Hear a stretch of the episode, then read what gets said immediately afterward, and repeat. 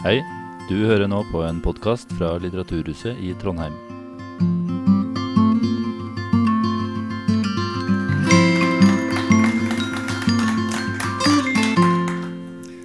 Uh, thank you very much. Um, my name is Harry Arne Solberg. Um, together with Kamilla Swart and uh, Jans Petter Saltvedt, we're going to talk about uh, a topic that's quite uh, common and uh, receives substantial interest nowadays, namely the Gulf nations' investment in sport. Uh, I'll give a more profound uh, presentation on them later on, though. Um, we know we have seen um, countries such as particularly Qatar, Saudi Arabia, the Emirates, particularly these three in that order, invested heavily in sport. Uh, as an example, uh, Qatar has hosted uh, 430 international events since 1993. FIFA World Cup, World Championship in cycling, in athletics, in handball. Um, they have acquired um, the rights or the, ownership in Manchester City, Paris Saint Germain. Um, for the time being, we also see Saudi Arabia is coming, uh, invested heavily in football, um, in Newcastle, which received substantial attention. They also invest heavily in their own league, uh, recruiting European stars to come there. And they are more or less certain, should I say that, to become the host of the 2034 World Championship. Uh, the headline or the ingress for this, uh, for this uh, session today was about the role of the media. And I mean, all the information we have received uh, on these issues, we have through the media. Mm. And then it's an, an in, matter that is of very of interest, substantial interest, is how does the media cover these uh, incidents? Uh, and if you look at the last World uh, Championship or the FIFA World Cup in 2022, what we noticed was that the media in the, what to say, the global north or the western country, maybe it's more correct to see the global north, and the global south was very, very different. If you look at how the media covered it, we could imagine it was not the same uh, event actually. So that's the background for uh, this uh, conversation, discussion. We'll see whether there will be a discussion, agreement, disagreement, and so on. Remains to be seen. But then a um, presentation of uh, my two colleagues, if I may introduce as colleagues. Well, Kamilla Swart is a colleague. She is originally from South Africa, where she has been working as a researcher at Cape Town University. Cape Peninsula University of Technology. Okay. Long name. Yeah. Correct me if I'm wrong. You, were, you have done a lot of research uh, about uh, the FIFA World Cup in 2010. Um, but you are on, since that you have moved first to the Emirates, where you were a couple of years, and then further to Doha in Qatar, where you are, uh, where are for the time being. So, um, therefore, it's interesting to ask you about uh, your opinion on this. But before that, a presentation of Jan Petter Saltvedt. Well, I guess all of you know him, sports commentator in uh, NRK. Yesterday, he has to comment whether Northug should be given a wild card. Today is a different. he should. Yeah. we leave that for now. We can I'm sure there will be a discussion sure? on that later on.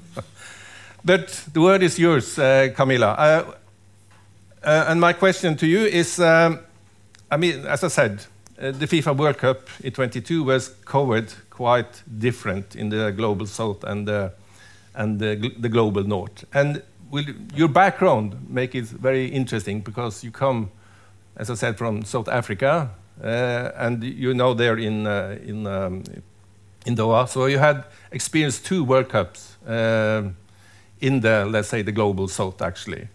So uh, my question is e quite easy. How and why so different coverage of these uh, events? I mean, how do you see it from your eyes, actually? Thank you, and good evening, everybody, and thanks for having me.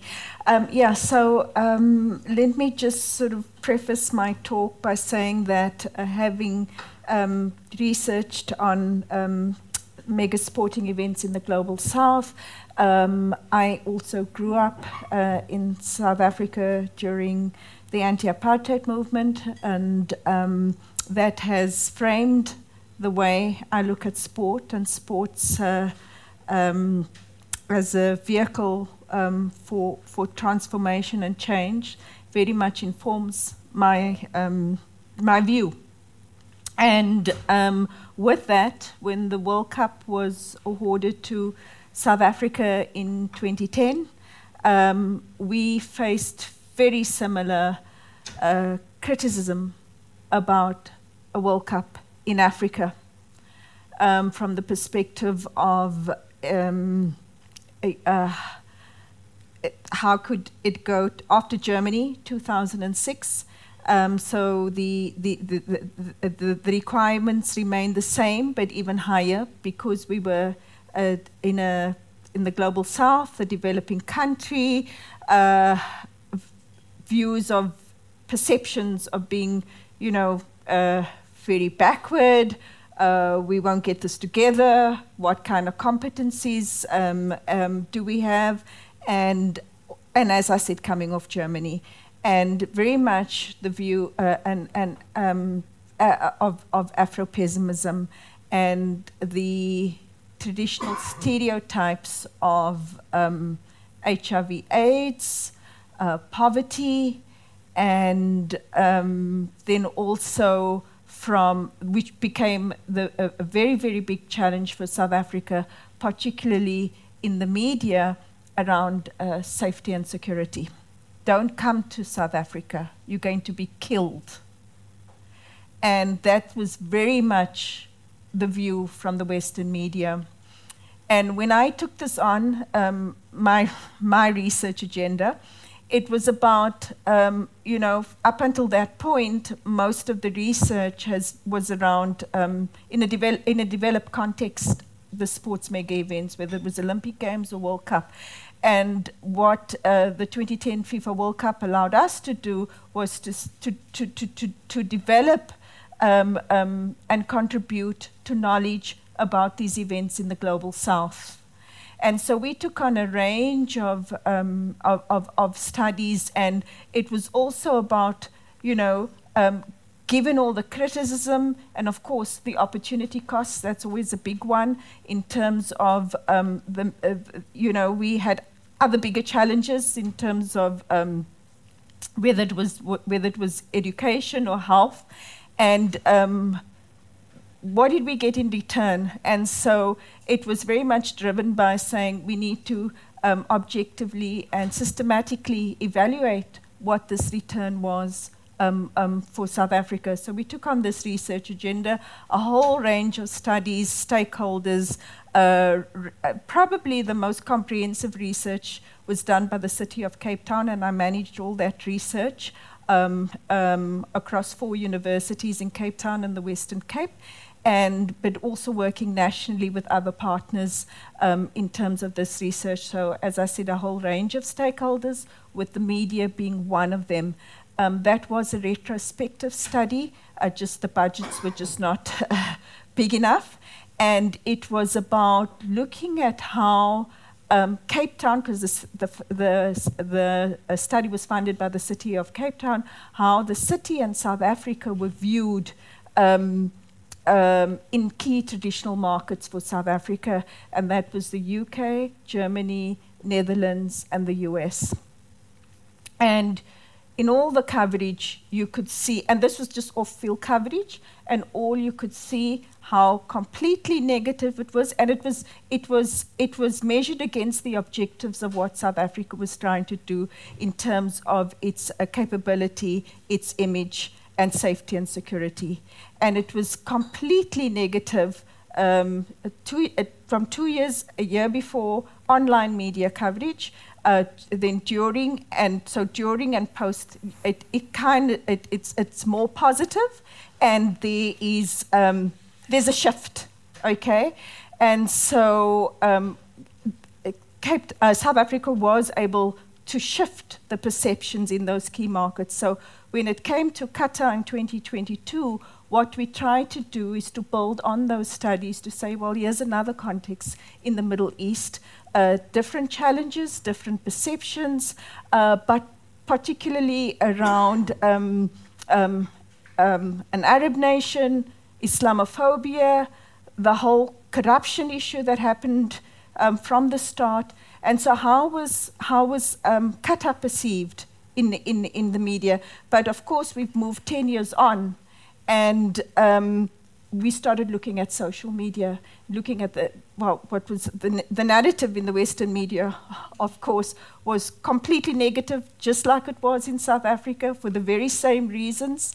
And um, we then looked at social media, um, and it just showed a shorter time span, just, um, but in terms of the volume of media uh, and and and um, the again just more uh, just need to have a more nuanced view. This is what was coming out of the findings that it was.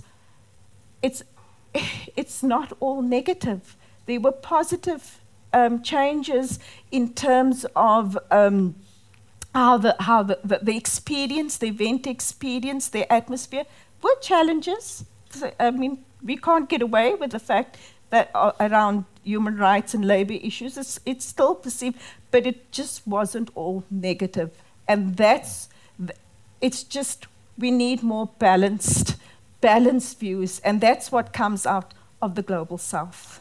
If you, before you get the word, uh, Jan Petter, uh, a question to you. Uh, could you say that uh, with regards to the 2010 uh, World Cup, there was a kind of a mistrust to, in the Western media towards uh, South Africa's ability or capability of hosting the events. While if you look at Qatar, well, you have all the money, and that's kind of a provocation because mm. for other reasons, actually, mm. if you compare these two. Mm. Uh, yes, um, I think it, it, it, it, there was a mis- mistrust in terms of uh, com- uh, capability uh, for, for South Africa. Are we going to get the stadiums built in time? Where, of course, Qatar showcased that they, m- many of the stadiums were built ahead of time. Um, and um, so yes, sli- a, a slightly different perceptions. But then again, for for for for Qatar, it was also the whole issue of a compact World Cup. It's such a small country. Um, you know how people going mm. to move around, and suddenly everything worked.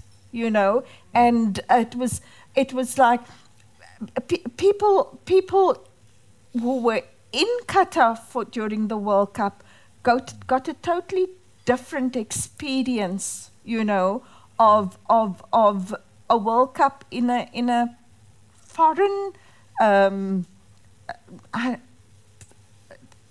Arab, Muslim, we're not so sure, you know, how it's going to be. Um, we can't, how we dress or what we say, and, you know, but the, the feeling of the hospitality, the Arab hospitality, the welcoming atmosphere, people felt that, you know, um, and, uh, but despite that, the perceptions in the media, you know, it's still still just so stereotypical and negative.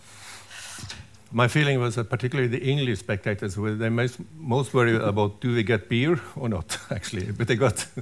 but now to you, Jans Petter. I mean, um, how do you look at it from? Let's, are you not representative for all the journalists in the Western media, of course, but with your eyes, based on how the Western media covered particularly the, the, this last World Cup, uh, but also uh, the 2010 World Cup in, uh, in, in South Africa.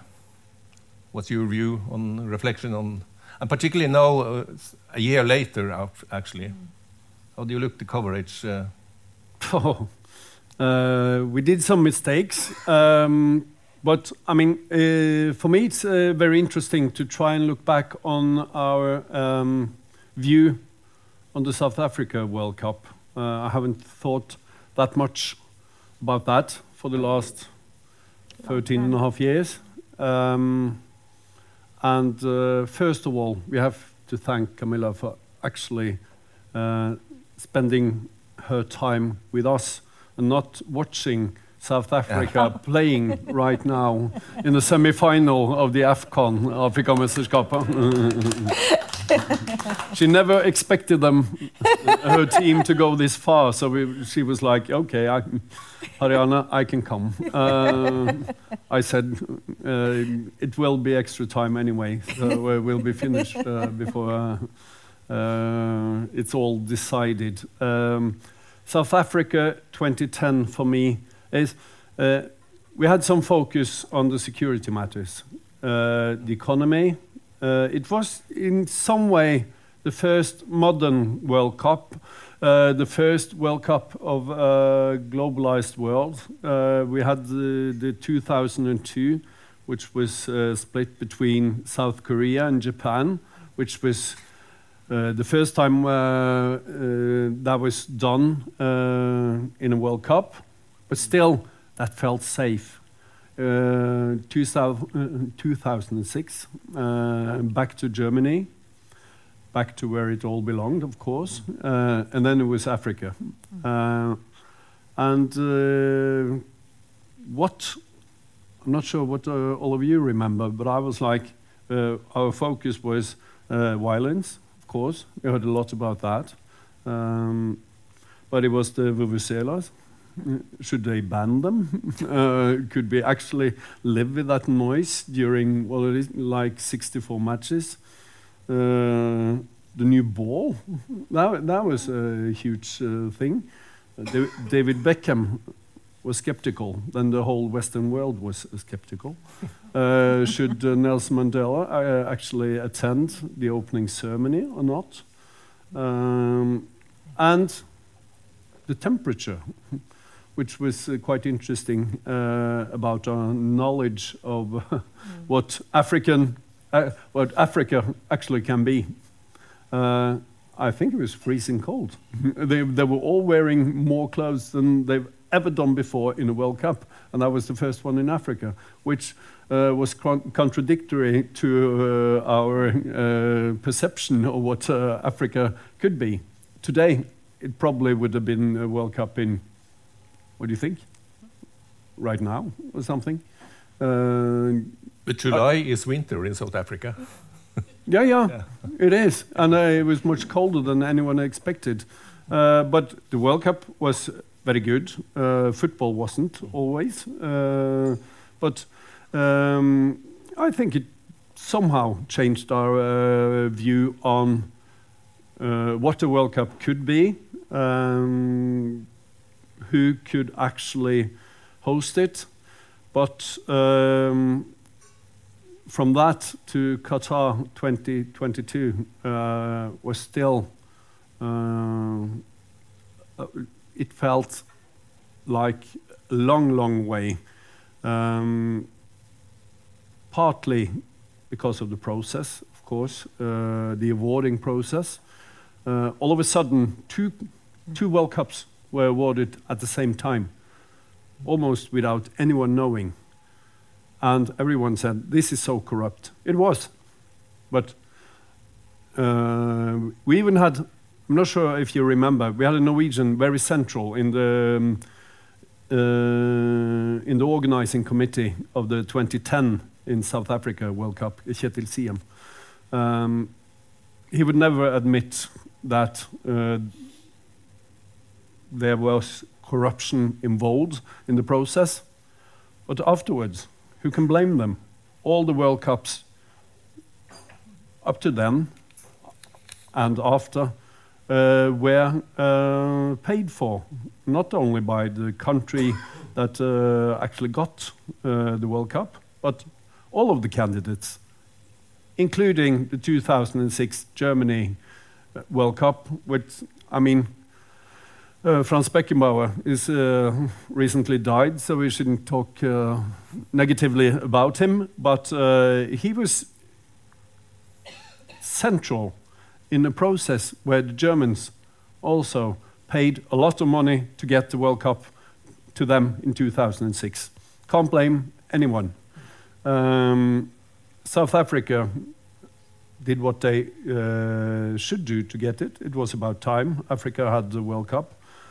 But when we in 2010, which is a long time before 2022, got Russia for 2018 and Qatar for 2022 on the same day, everyone was astonished. And we should have reacted at that time, being responsible journalists. Not many people did. Um, H.A. Melnæs, Josimar, you know that? Uh, they've been in the forefront of uh, covering the negative sides uh, of the World Cup in Russia, but mainly Qatar. I asked him earlier today. He wrote his first article on the possible dangers on human rights in Qatar if they were awarded, which nobody thought they would be, uh, be in 2009, one year before, uh, which is quite interesting. But as he said, he didn't, he didn't really think about what he was writing. Um, he was just um, creating some sort of scenario about it. And after that, it was at least five years for some. Uh, we got uh, very good investigating journalists in this country. Uh, Josimar, um, Andreas Selliaas. Uh, but they can't reach all of us, all of you here, and all of us uh, in the media covering Petter um, and all of that before it's actually approaching the World Cup, uh, which was what happened, and we all got furious.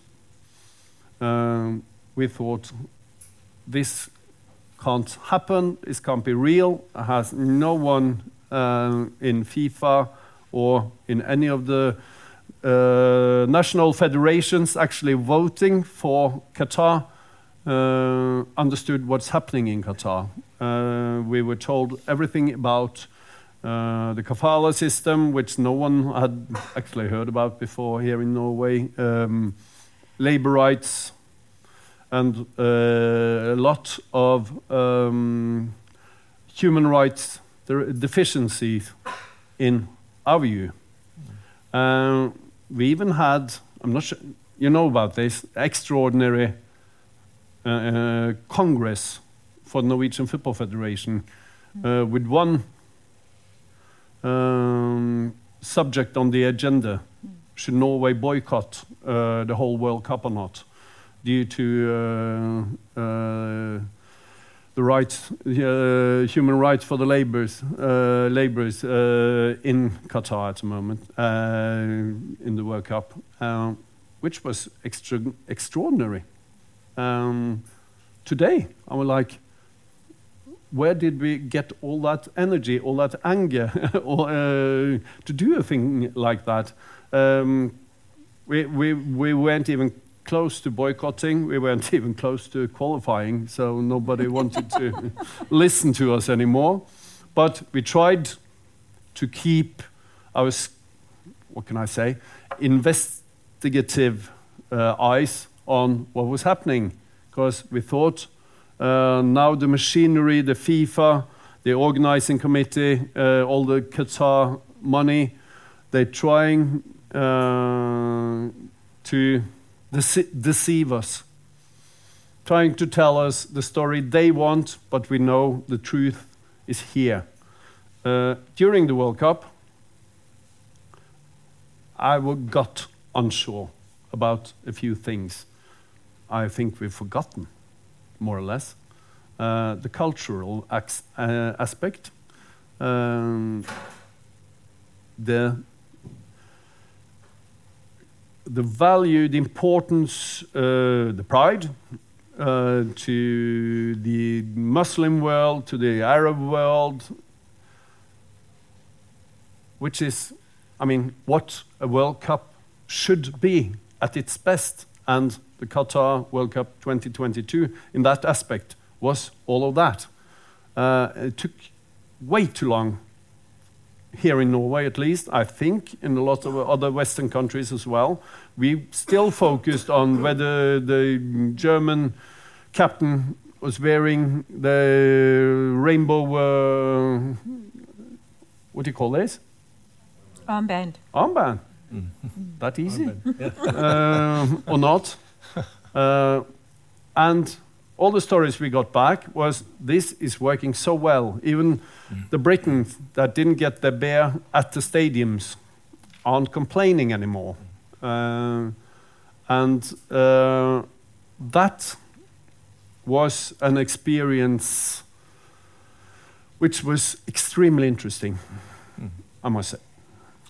Um, if you go one step further um, and look at why do the Gulf nations invest in sport, and, we can't touch upon that without mentioning the word sports washing, which, in my opinion, some European journalists have found out. Um, what do you think about? Uh, I mean, you live there. Uh, what are the main reasons why Qatar, uh, Saudi, UAE invest in sport? The, the way you look at it, actually, and what do you think about sports washing? Is it correct? To the Okay. Again, I'm going to start with South Africa. South Africa first, always first. Um, but but in the same context of the the BRICS countries, you know, it was about um, um, and South Africa always punches above its weight too. So it was about um, putting themselves on the map, showcasing who they are, giving you know to to to present another view, an alternative view to the mainstream media and narrative. But it was also it's also from an from a from an internal perspective. So whether we're talking about South Africa post-apartheid and using it for um, socio-economic development and transformation, or we're talking in the Middle East about um, um, economic diversification be, beyond oil and gas, and um, in terms of the national visions 2030, um, Qatar and Saudi, and um, the development, the same socio-economic development for those countries. Um, opportunities. I work in a university with young people, um, having ac- access to sport.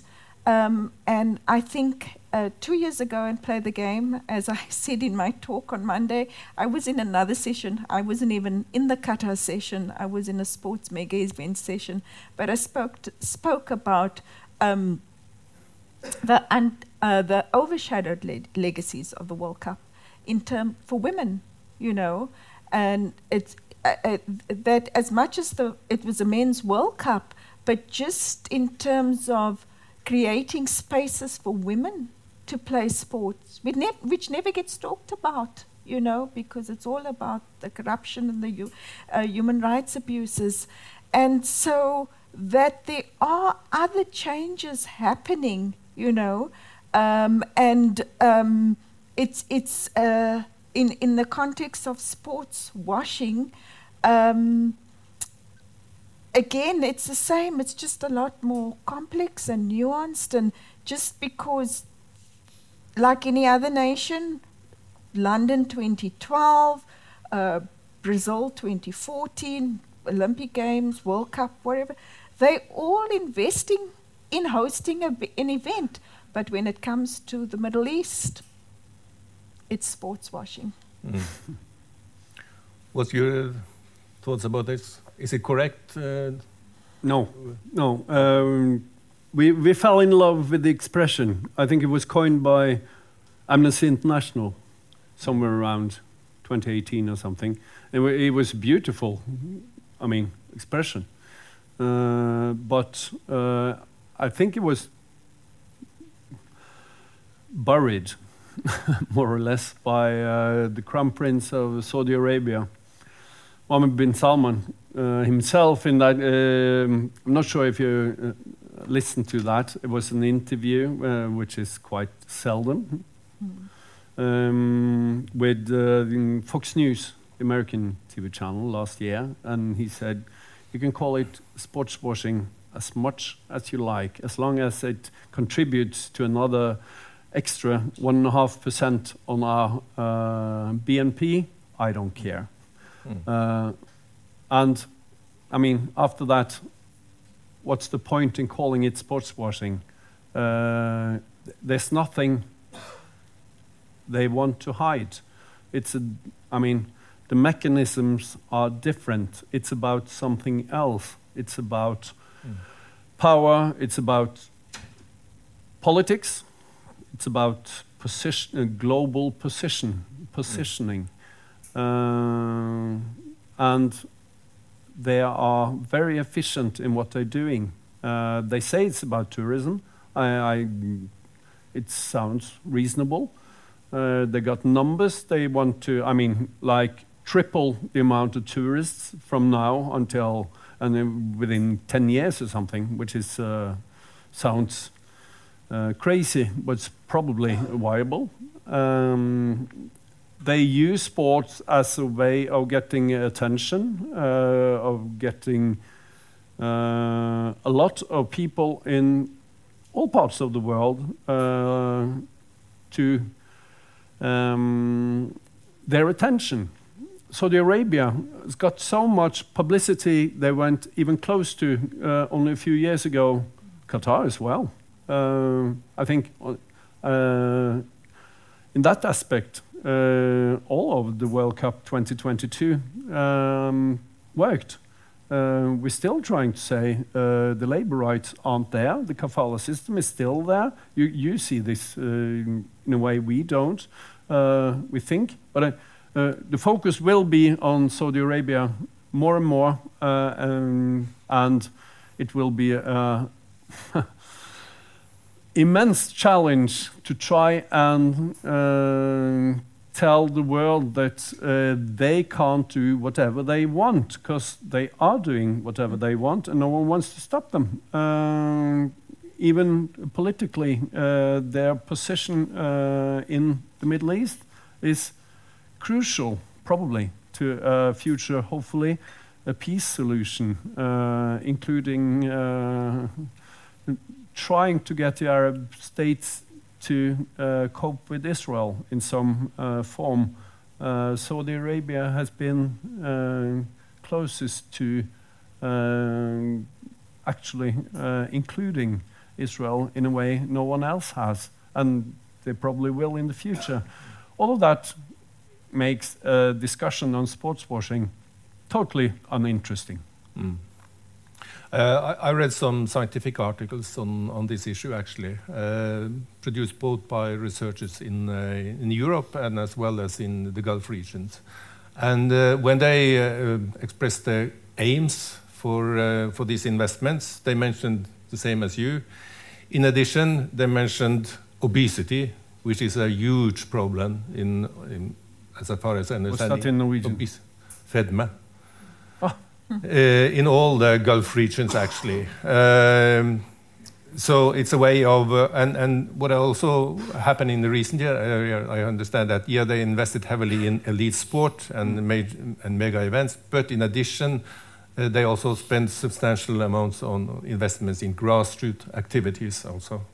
And there is also a young population. I mean, this is a region with um, where religion has quite been quite dominating actually. And there's a young population. I, I can't remember the percentage, but the percentage in, for example, in Saudi, which is younger than 35 years, is very very large actually.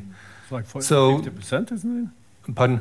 It's like uh, uh, 50, 50%. yeah, yeah, it might be like that. that. So, let's say it's also about creating activities which this younger generation find uh, find interesting, actually.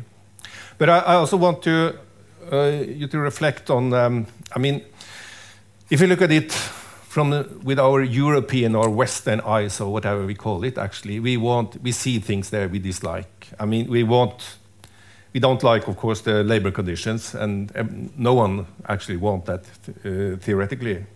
We would like to see more gender equality. Uh, we should like to see gay rights uh, more respected, um, and of course, we, we would like to see democracy, um, because, but there aren't any countries there where you have can categorize as democracy.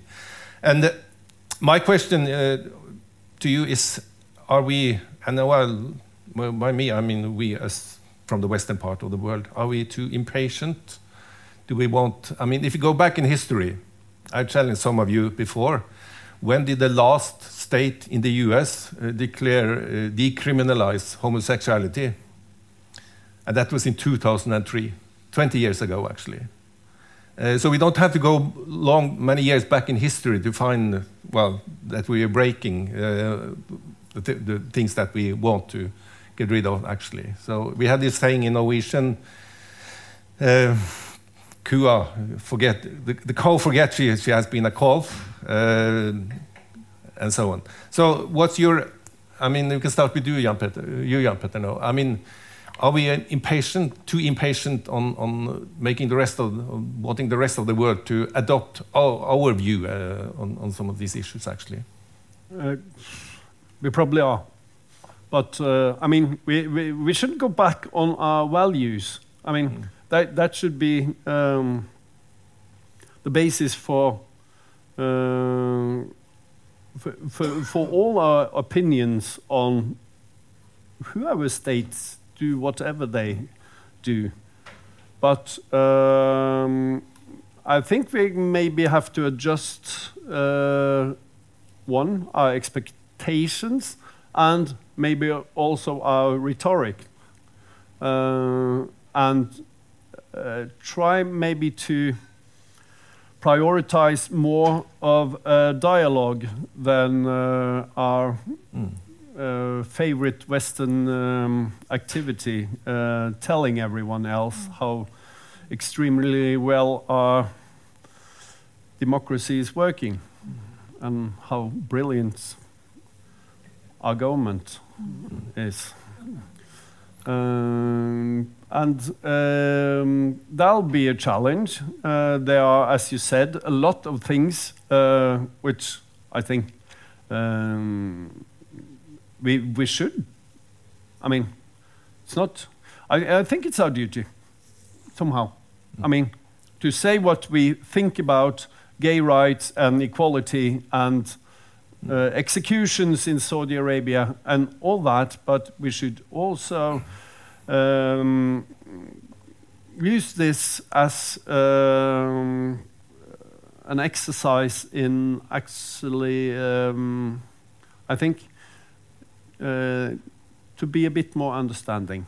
Because uh, I think that might be a bit more constructive in uh, this matter. That's, that's one of my uh, experiences from trying to um, understand what was happening before the World Cup in Qatar, uh, during, and uh, more than anything afterwards. Uh, what did we actually learn? I was there for the World Championships in athletics in 2019.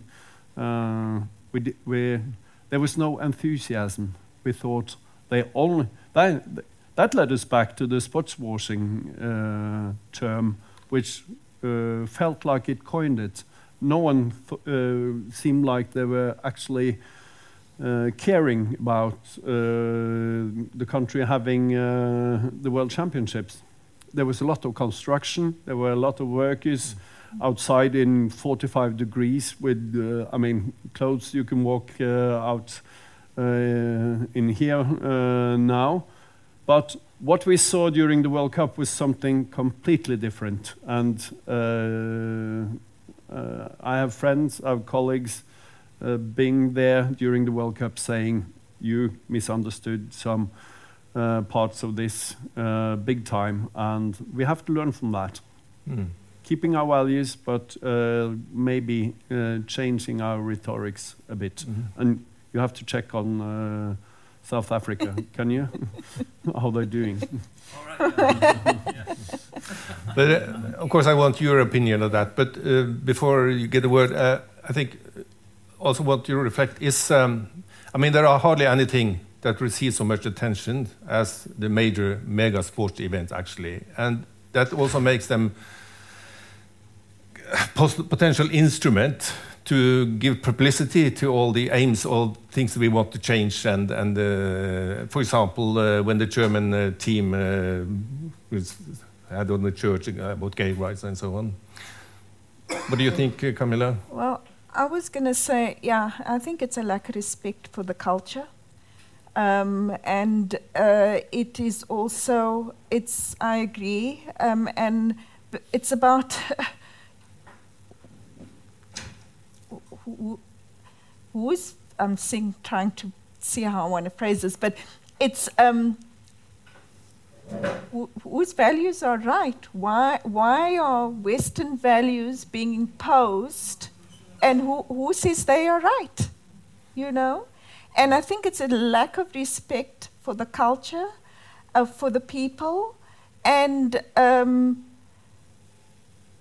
yes, there are things that are not right from a human perspective. And that there are areas that where things can be done better and things have been done better. It's the first World Cup, yes, off a low base, but it's the first World Cup where labor laws have changed for the better. Now, if you talk about implementation of that, that may be still be a challenge but laws have changed, you know. And so I, I just think that it's, it's about Western media, the Western narrative, wanting to impose, you know, and as you said, we need more understanding. Mm. When you look at the Western media, do you see an Orientalistic perspective in the background? Yeah, it's it's it's it's it's it's very biased. I mean, this re- the research that we've done, um, um, and all the the other chapter I wrote in a book with another colleague, um, covering research um, in the UK, in the US, um, from 2014 to up until the first quarter of 2022, and very much um, sort of biased, and of course, um, the Islamophobia, the, the terrorism, and also just um, painting everybody with the same brush. Mm. And just, for me, uh, just a, a, lack of understanding. Uh, there's an ongoing discussion about Russia, uh, should they participate and so on. No? Uh, and behind that, I mean, South Africa, we have, were boycotted. Uh, so there's an let's say there's, there's an issue, what instrument, if you call it that, should be taken, and then the ones, when should boycott be used, when should other instruments be used? Do you have some reflections on that. I mean, your background makes your view very interesting, coming from South Africa, and you've been among those. You were active in sport, I understood. Mm -hmm. So you were, look, I say, you were among those who suffered from that, mm -hmm. from the boycott. Mm -hmm. When should boycott be used, and when should be find for other tools if you want to influence? Yeah, so, so many generations, including I spoke about my father in my other presentation. Um, he was he, he, was a better athlete than I was. Um, but I also had, um, you know, uh, university games. I actually, I, I was just a generation too early um, to, to um, play sport on, a, on, a, on an international level. Um, but growing up, um, it, the boycott, the sanctions, we wouldn't have had it any other way. It was the sacrifice that our generation had to make for the next generation. Mm. And um, you think and, it worked? Eh? Yes, I believe so. And um, I, ha- I, had another discussion over lunch, uh, you know, in terms of boycotts, and and I, and I reflected on something I was talking last night, and of course now I'm talking in the Palestinian context because that was the discussion last night, and whether Israel should be boycotted, and um, I, you know, the, what I reflected on, you know, violence begets violence, and when I when we think when I when we talk about Nelson Mandela and you know his his his his his views on sport. And as I said, growing up in apartheid, and um, this was a political tool. Sport was a political tool for us. Um, that he himself took to the armed struggle and we became a very violent country. And we still suffer um, from that. But that's what we had to resort to to get where we are today. Mm. So if we have to have a boycott to get to a better place, then yes, mm. we should have boycotts. But I understand where do you draw the line? Mm. You know, who makes that decision? Mm. Which country? Lots of other conflicts too. Sudan, you know. Um, but yeah, I just think that, and I'm, I know I'm generalizing here, but just from the presentations that played the game, the whole Ukraine issue, huge on the d- agenda. One presentation on Palestine last night. Mm. So where's the bias? If I read you right, you see a double standard being applied? Mm. If you go back a bit to the Gulf region, um, since you live there, I mean, I, I present, presented some of the wishes that we have seen with our eyes. What, what changes can we expect will take place, if any, in the Gulf region uh, in the next years, decades? I think the more and more sport that is coming to the Gulf, um, Qatar and Saudi is very different. I mean, in terms of local population, so that makes it very challenging. In the in the Qatar case, um, in terms of you're right, in terms of obesity being a challenge, sport using uh, sport being used for healthy, active lifestyles, and then of course the attention, the focus on the on the on the big events. World Aquatics Championships is happening in Qatar at the moment. Okay, um, and then of course the very big one is Asian Games coming back in 2030, and 2034 it goes to Saudi. Um, and so um, sport will still still plays a, play a very prominent role in, in Qatar, we saw, if you use Qatar also in terms of just a motorsport context, um, besides um, Formula One coming for the next 10 years, um, it's also attracted other um, formulas to, to come. So, for, for the first time, there's World Endurance Championships mm-hmm. happening. So, more and more sport is going to come and going to continue to come, but probably more to Saudi. It's just just so huge, huge investments in sport.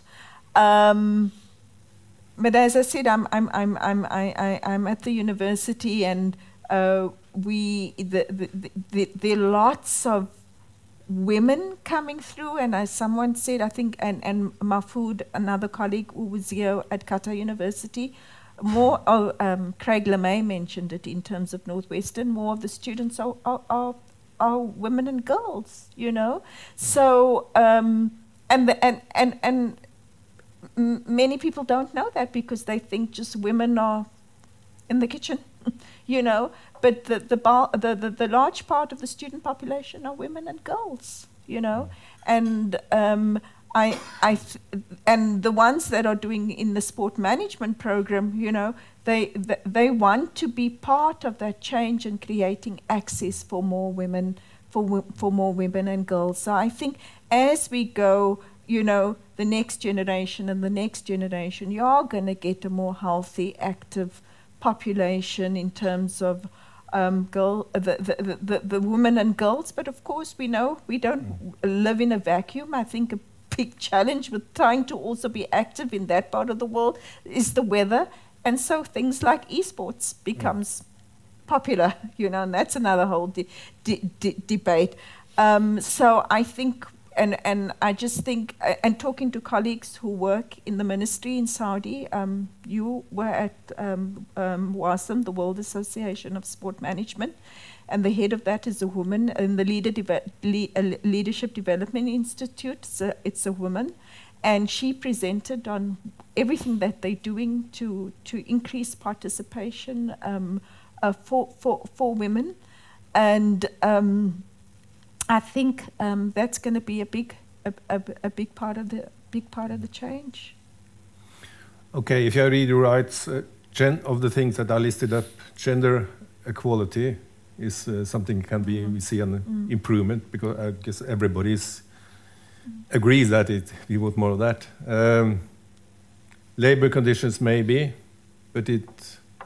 I mean, uh, Yeah, I I'm told it's it, yeah there has been some improvement, but um, um, employers has been, not been so happy with it actually. So it's not the, f- the following up with control is not as good as yeah. yeah. Um, Okay, um, we have some very, very qualified uh, guests, we'll call it. Uh, let's say we take a two minutes break and then we open up for question. It's nil nil. Nil nil. okay, so it's two minutes to fill up whatever you want to fill up, actually. Okay. Um, start for comments, question, whatever that's on your mind. There's a microphone, so raise your hand and you'll.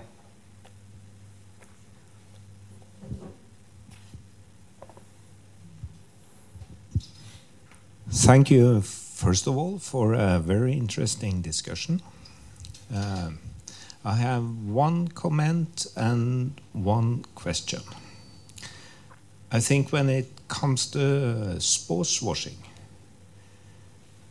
maybe the analysis should be redirected a bit because you have a uh, direction that uh, leads to region against region, north versus south.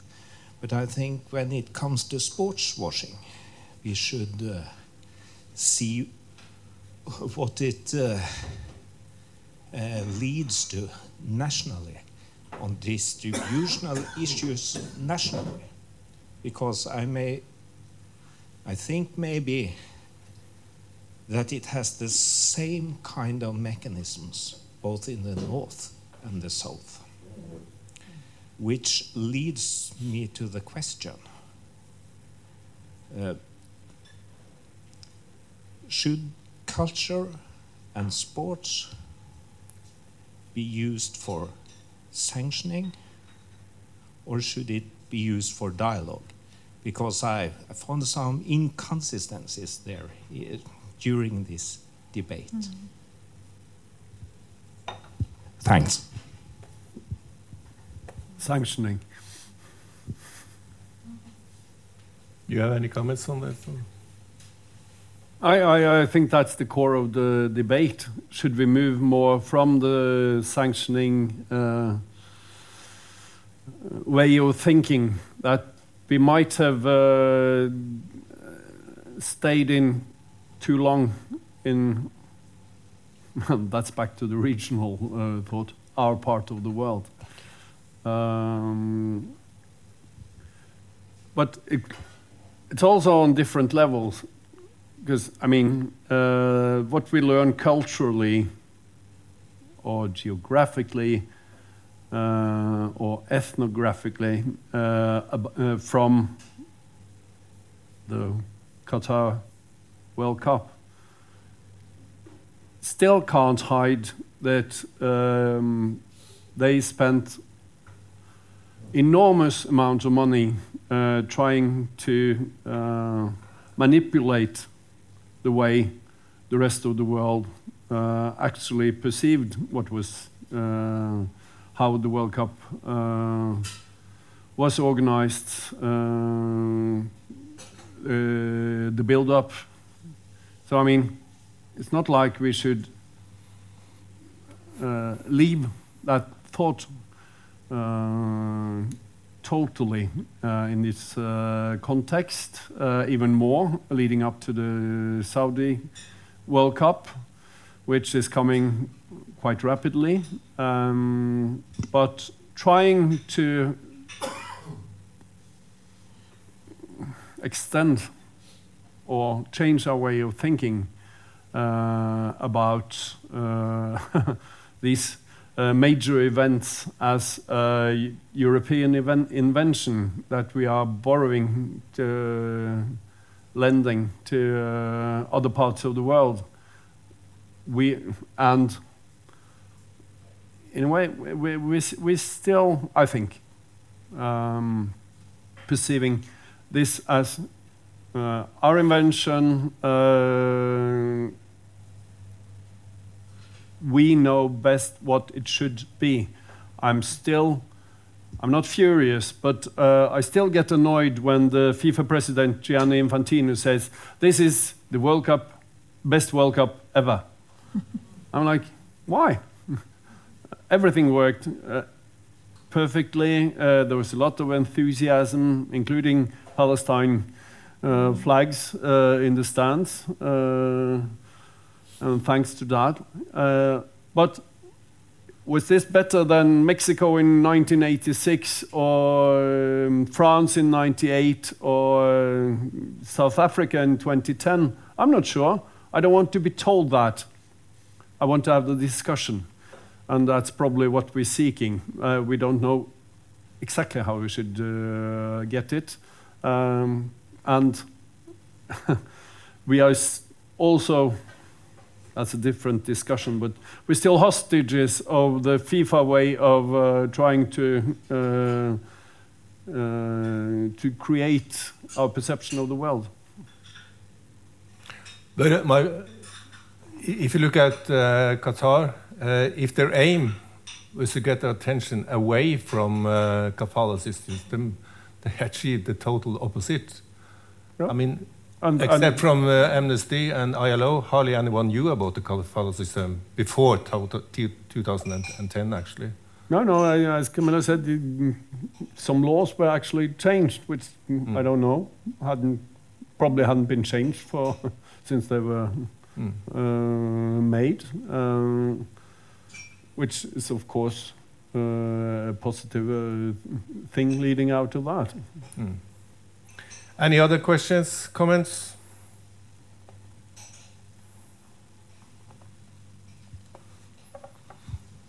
Hi, my name is uh, Hugo. Um, first of all, thank you for the sensitivity that you're both showing on approaching this this topic. It's important to demystifying uh, the sports washing as, as a concept. I just have uh, a, a comment that can end in a question. um, it's important for us to, to remind ourselves that Arab culture gave us a numerical system and an alphabet and the instruments to navigate and go to South America to rip off all the gold and silver from those those countries. So they gave us a lot of knowledge through history, uh, which which which kind of validates uh, your position on uh, question ourselves who are we to talk about uh, any, any any cultural uh, perspective with the Arab world. So that's my first comment. Second one is uh, we can't we can't be naive, uh, and, and I know that you're not uh, very well informed, that Qatar uh, and sports and football in Qatar started with World Cup. Because we know that Qatar has been sponsoring, through Qatar Airways, the biggest clubs in Europe. They have been sponsoring Copa Libertadores in uh, South America. They have been sponsoring um, Sudamerica, Copa in South America as well. They've been sponsoring Boca Juniors. They bought their participation in Copa America 19, in CONCACAF, in Gold Cup. They're, they're uh, organizing AFC now. So the presence of Qatar, Dubai, Emirates, Saudi Arabia now has been, has been uh, there for, for a while, such as Gazprom was in Champions League. That led also to the World Cup in, in Russia. So trying to end in a question, um, does this, do you think that this positioning compromises and silences some of the critics uh, that have- been done to the World Cup? Hmm. I, yeah, you, you, yeah, you're right. I mean, they've been everywhere, and they continue to be everywhere. Even into into in in terms of uh, Formula One, they took over from Emirates for being the um, this the, the the the series sponsor. Um, I don't know. I don't. I don't know if it is really silence critics. Um, I think it's even given more fuel to the fire because they're everywhere. So, um, you know, as as kind of Qatar has been attacked um, um, in terms of you know sponsoring all the big leagues, and now we see with Visit Saudi, you know, this the same kind some, same kind of trend. Um, but that's all part of this, call it soft power on the one hand, but also on the other hand, in terms of its in um, diversification strategy, you know, um, whether it's successful in silencing criti- critics, I'm, I think it's adding fuel to the fire. Well, Mm. we shouldn't be too critical in some parts of, uh, in some aspects. Um, it's all politics, basically. Uh, we talked about the armband. Um, just before, this was in, I mean, it was 2022, uh, the invasion in Ukraine, uh, the European uh, the whole of Western Europe had to uh, find new ways of uh, getting energy when uh, Russia stopped the g- uh, gas supplies. And uh, just before the World Cup, uh, the German deputy chancellor went to Qatar, to the Emirates, and signed huge deals for liquid gas. Uh, and everyone wondered why didn't the Germans go further in they, uh, their protests uh, during the World Cup? I mean, there's probably your answer. Someone told them not to. Um, the Premier League, we, we've been discussing that a lot. Um, it started quite, I mean, it felt like some sort of uh, cute innocence when um, the Emirates, call it the Emirates, that's what it is, it's, it's the state, bought Manchester City back in 2008. They, they were um, mediocre on, uh, at the best. Took them four years to win the Premier League. Um, and this when Saudi Arabia wanted to buy first Manchester United and then ended up uh, buying Newcastle. The first time they wanted to enter the, the league of uh, owners in the Premier League, they were stopped.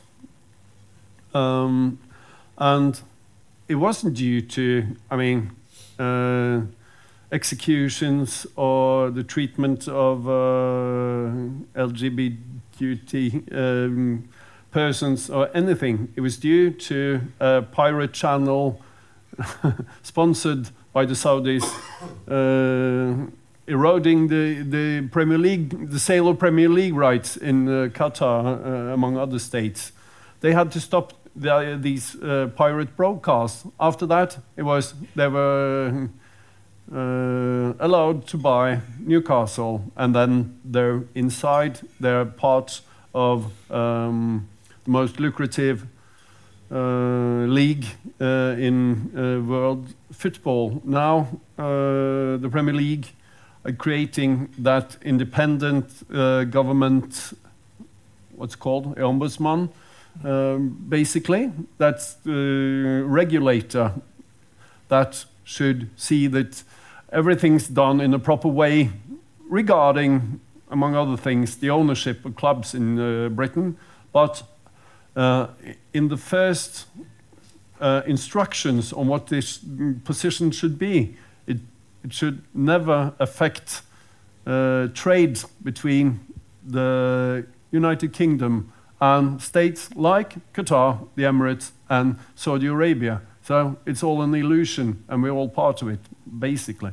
It's uh, and as you say uh, about all the other leagues in all the other countries, uh, Qatar is doing what uh, a lot of the other countries want them to do, uh, buying into American sports as well now. Uh, they're trying to halt it, but um, that's uh, probably temporary. Prosit.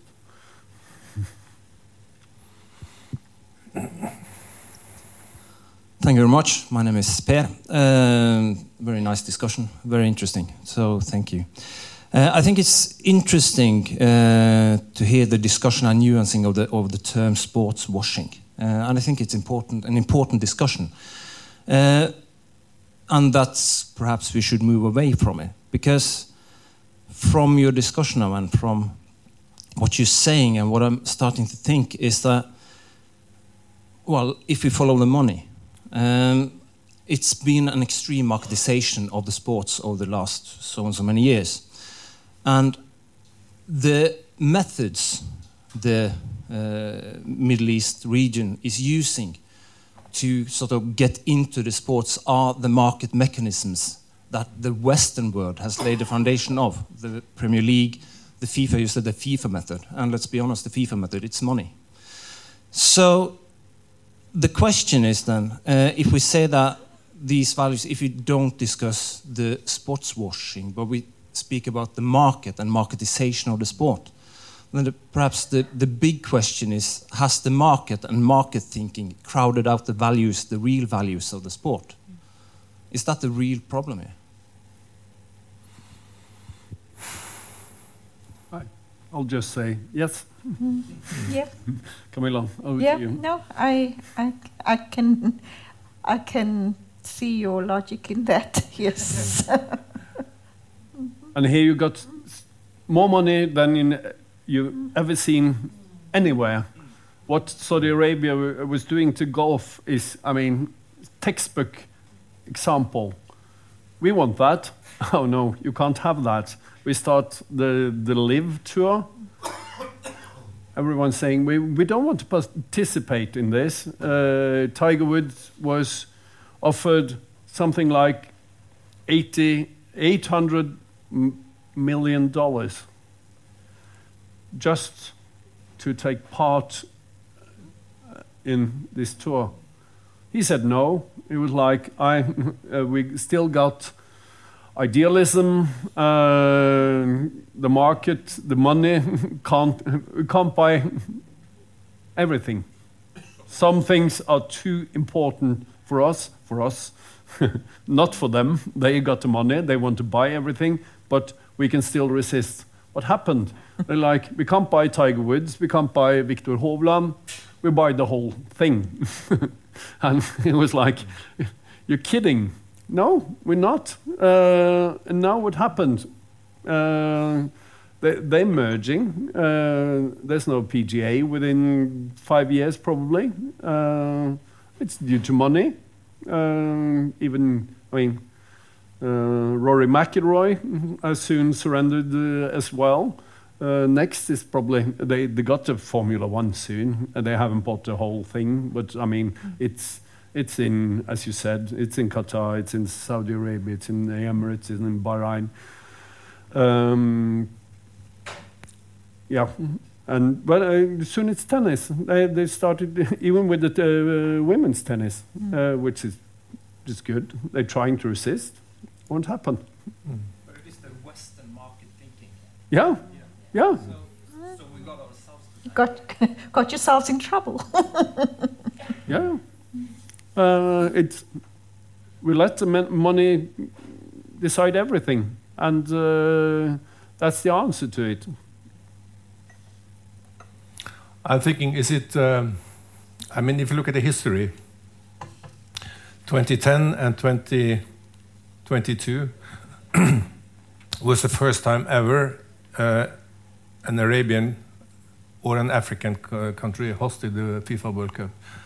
The first year it was uh, Europe and South America that divided it. Every other time, actually, and then uh, the East came Um, but uh, I think is it easier? I mean, look at it with European Oriental Oriental perspective. Is it easier to accept South Africa because South Africa, we know, is much poorer in, uh, than let's say Europe? compared to when uh, Qatar, which is the country in the probably the highest GDP per capita, um, only probably challenged by Saudi, come it with, and they're much much much richer than us actually. So it's is it easy, is it more difficult to accept someone coming out of the blue and being the boss? Yes, you're right. They're using the, it's the same market forces. They earn their revenues from oil and so on. And when we need gas we go down, can you help us? Um, but in sport, uh, I mean, there, there's hardly anything that receives so much attention as top elite uh, sport, actually. So it's, it's just a question. I'm, I'm there to raise the question. You're the expert, actually. So you had a comment. My name is Gueril. I was actually going to say the same, Harry Arne, that Okay. I was, was Sorry. thinking. Once that, more. No, no, yes, I'll do, I'll do that because I'm not ha- don't I'm not a researcher like you. So I was just like I wanted to say that it's exactly it's that the thorn in the eye for us Western people that they uh, show us we have the money, we we decide in short terms. And then just another example. It's not about sports washing, but my husband and uh, youngest son, they are totally Liverpool fans, and they have been to England for several years. And the taxi drivers ask them every year, "What are you doing in Norway? What are you earning since you have the, uh, can afford to go come here to spend an whole weekend?" We who live here, who we don't have money to watch a game anymore. Okay. James, you're not going to leave without a comment. But I, I must say, i- it's, I, I think sports in general, in some way, but at least the football has become two layered. It, it's, the, it's the market commercial uh, version, which is Premier League, which is the World Cup, which is. I went to Italy in December. Uh, I, I thought Italy was still like there's how much do you earn in? It's, it's not like they uh, have the best economy in europe. And i still had to pay like 175 euros mark um, that was through the club to get into a uh, serie a uh, match. I, I was like is that possible? Um, and yeah i think we have to accept that's the market the market can pay uh, even Norwegians, uh, like a hundred million uh, pounds a year, just to play football. Those money are coming from your husband and your son, unfortunately, but you can still afford the coffee. That's, um, well, um, but um, that's the football we have chosen through uh, letting the money uh, decide everything. Uh, it will end up in a Super League in some form. Uh, maybe the uh, maybe UEFA can, in some way, uh, be a part of that. But the clubs will decide everything. They will decide who gets all the money, uh, which will be uh, enormous sums. Uh, who owns the, the clubs? Um, who will be anyone who's got a, a purpose by being owners. That might be Qatari or American or whoever. And the other part of the sport will be what we, we still think is the, the mean, I mean, the real sports, the soul, the, um, hopefully the Saudi uh, Women's League, uh, and uh, where the money uh, isn't on, is not, I mean, it's not even on a percent uh, of the level at, the, at the top on the global level. Because, I mean, it's global. That's the problem. We don't want it to be global. We want it to be local, and uh, it is a global phenomenon. Uh, and uh, we can't stop that. Unfortunately, we've chosen it. Yeah, the snow is melting in Tromsø, but tourists comes more and more. They want to see the Yeah, exactly. And Saudi Arabia are having the Asian Winter Games in 2029 because they can afford it. Uh, they'll have the Winter Olympics before Norway. Uh, they will. I'll bet the rest of my life. Yeah. it will be indoors in Tromsø as well in 10 years. Other questions? Yep. Of course. He's the most qualified on this, actually, in this room. Hi, uh, I'm James Dorsey. I'm a journalist, a columnist, an academic, and in Trondheim for the uh, uh, for the Play the Game conference and freezing. let me let me just make a number of just headline comments, starting with, if you may, if I may, Harry. I think the, your first question was problematic, i.e., comparing media in the global north and the global south. It's comparing apples and pears in that way. Hmm. I mean, the real t- comparisons are either among presses or media you know, that are operating in a free media environment, or between media that are operating in a free media environment and media that are not operating in a free media environment. Sorry, that's not a that's that's not a question of north and south. Hmm. That's one. Second of all, the argument that gee we didn't hear about the kafala until Qatar came around is a cop out. I wrote my first piece, which was a page long in a newspaper, on the kafala system in 1976. Journalists have been going in and out of the Gulf and they would parachute in, and very frequently, workers' conditions were described. Just two years, roughly, before the awarding of the uh, World Cup to Qatar, you had the financial crisis, and you had every, any number of stories of people, expats leaving the country in debt, labor being laid off. So, gee, we only heard about that in 2010, 2011 is just not correct. I think the issue with sports washing is, first of all, the history of sports washing as a term goes back to what was a much more accurate term around the time that the Emiratis bought Manchester City, and that was re- reputation laundering. But the problem with the issue of sports washing is that one, it's reductive, and two, it attributes an importance to the reputation, particularly with regard to human rights, that simply has nothing to do with reality. Reputation plays a role in uh, soft power strategies of Gulf states. But it's often not about human rights. Uh, it certainly was not that, in, or, or workers' rights. It certainly was not that in the case of Qatar. It was not that in the case of uh, the United Arab Emirates. And fundamentally, it was not that in terms of the case of Saudi Arabia, even though Saudi Arabia had a much greater human rights problem, both because of the 2017 Ritz Carlton arrests, uh, the executions, Jamal Khashoggi's killing, and so on and so forth.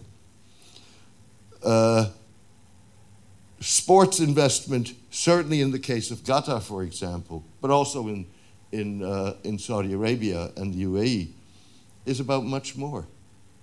And it's part of a much greater strategy. Uh, if you look at Qatar, Qatar's soft power strategy is a five, six pillar pronged strategy, of which sports is only one.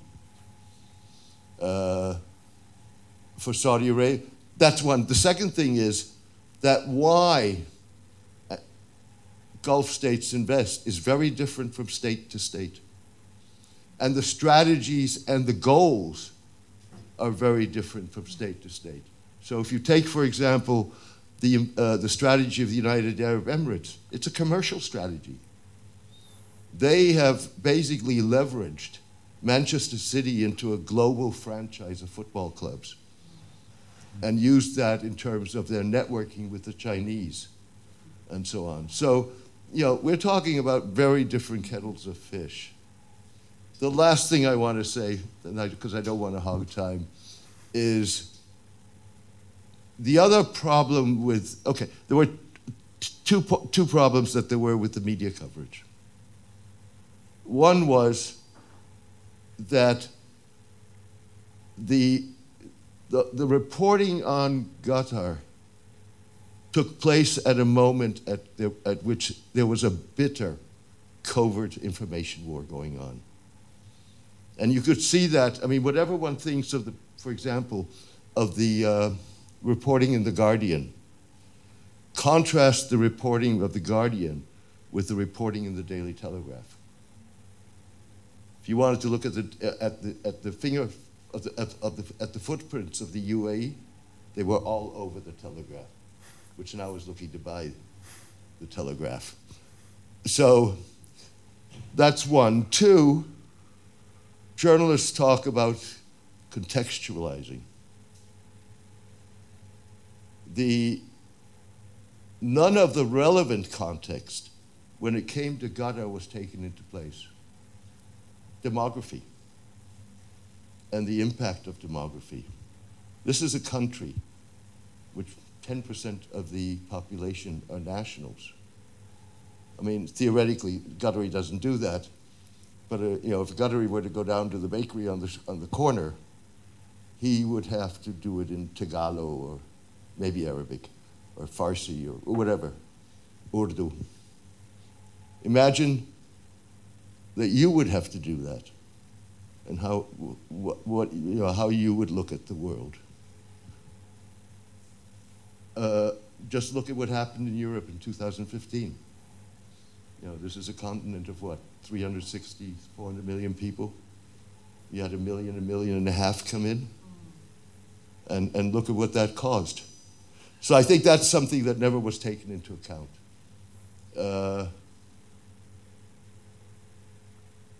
Kamilla mentioned Qatari uh, his culture and history. Qatar is the only Arab state that has an asylum law. Asylum law, a political asylum law. And it goes back to the 19th century. I'm sorry. uh, go, I, I'm going to finish in one minute. It goes back to the 19th century when they were giving refugees from other parts of the Gulf refuge. Just to throw this last thing out as a food of, as a um, as food for thought, without because it would take too long to explain. But ask yourselves why Qatar was the only Gulf state to support the Arab revolts in 2011. Qatar made all kinds of, you know, don't, let's be very clear. Qatar's an autocracy. And Qatar believes, to the degree that Qatar believes in political change, it believes in political change for others. but that already is more than what any other Gulf state does. And if you look at, you know, there were failed attempts. There was a Media Freedom Institute, which they mismanaged, and, and there were problems with the people they brought in. One of them happened to be someone who he, I mentored him in journalism, uh, so I knew quite well what was going on. Uh, all I'm saying, saying is there's a much more layered, and none of that is, all of that is context, and none of that was, was referenced in reporting. Thank you.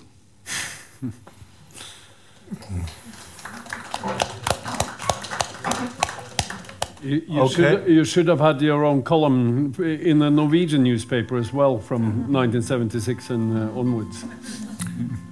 Okay, I think it's. I mean, I started my columns 13 years Uh, I think it's time to stop and say thank you very much for that you attended. Appreciate very much. And should we give it to experts and clap?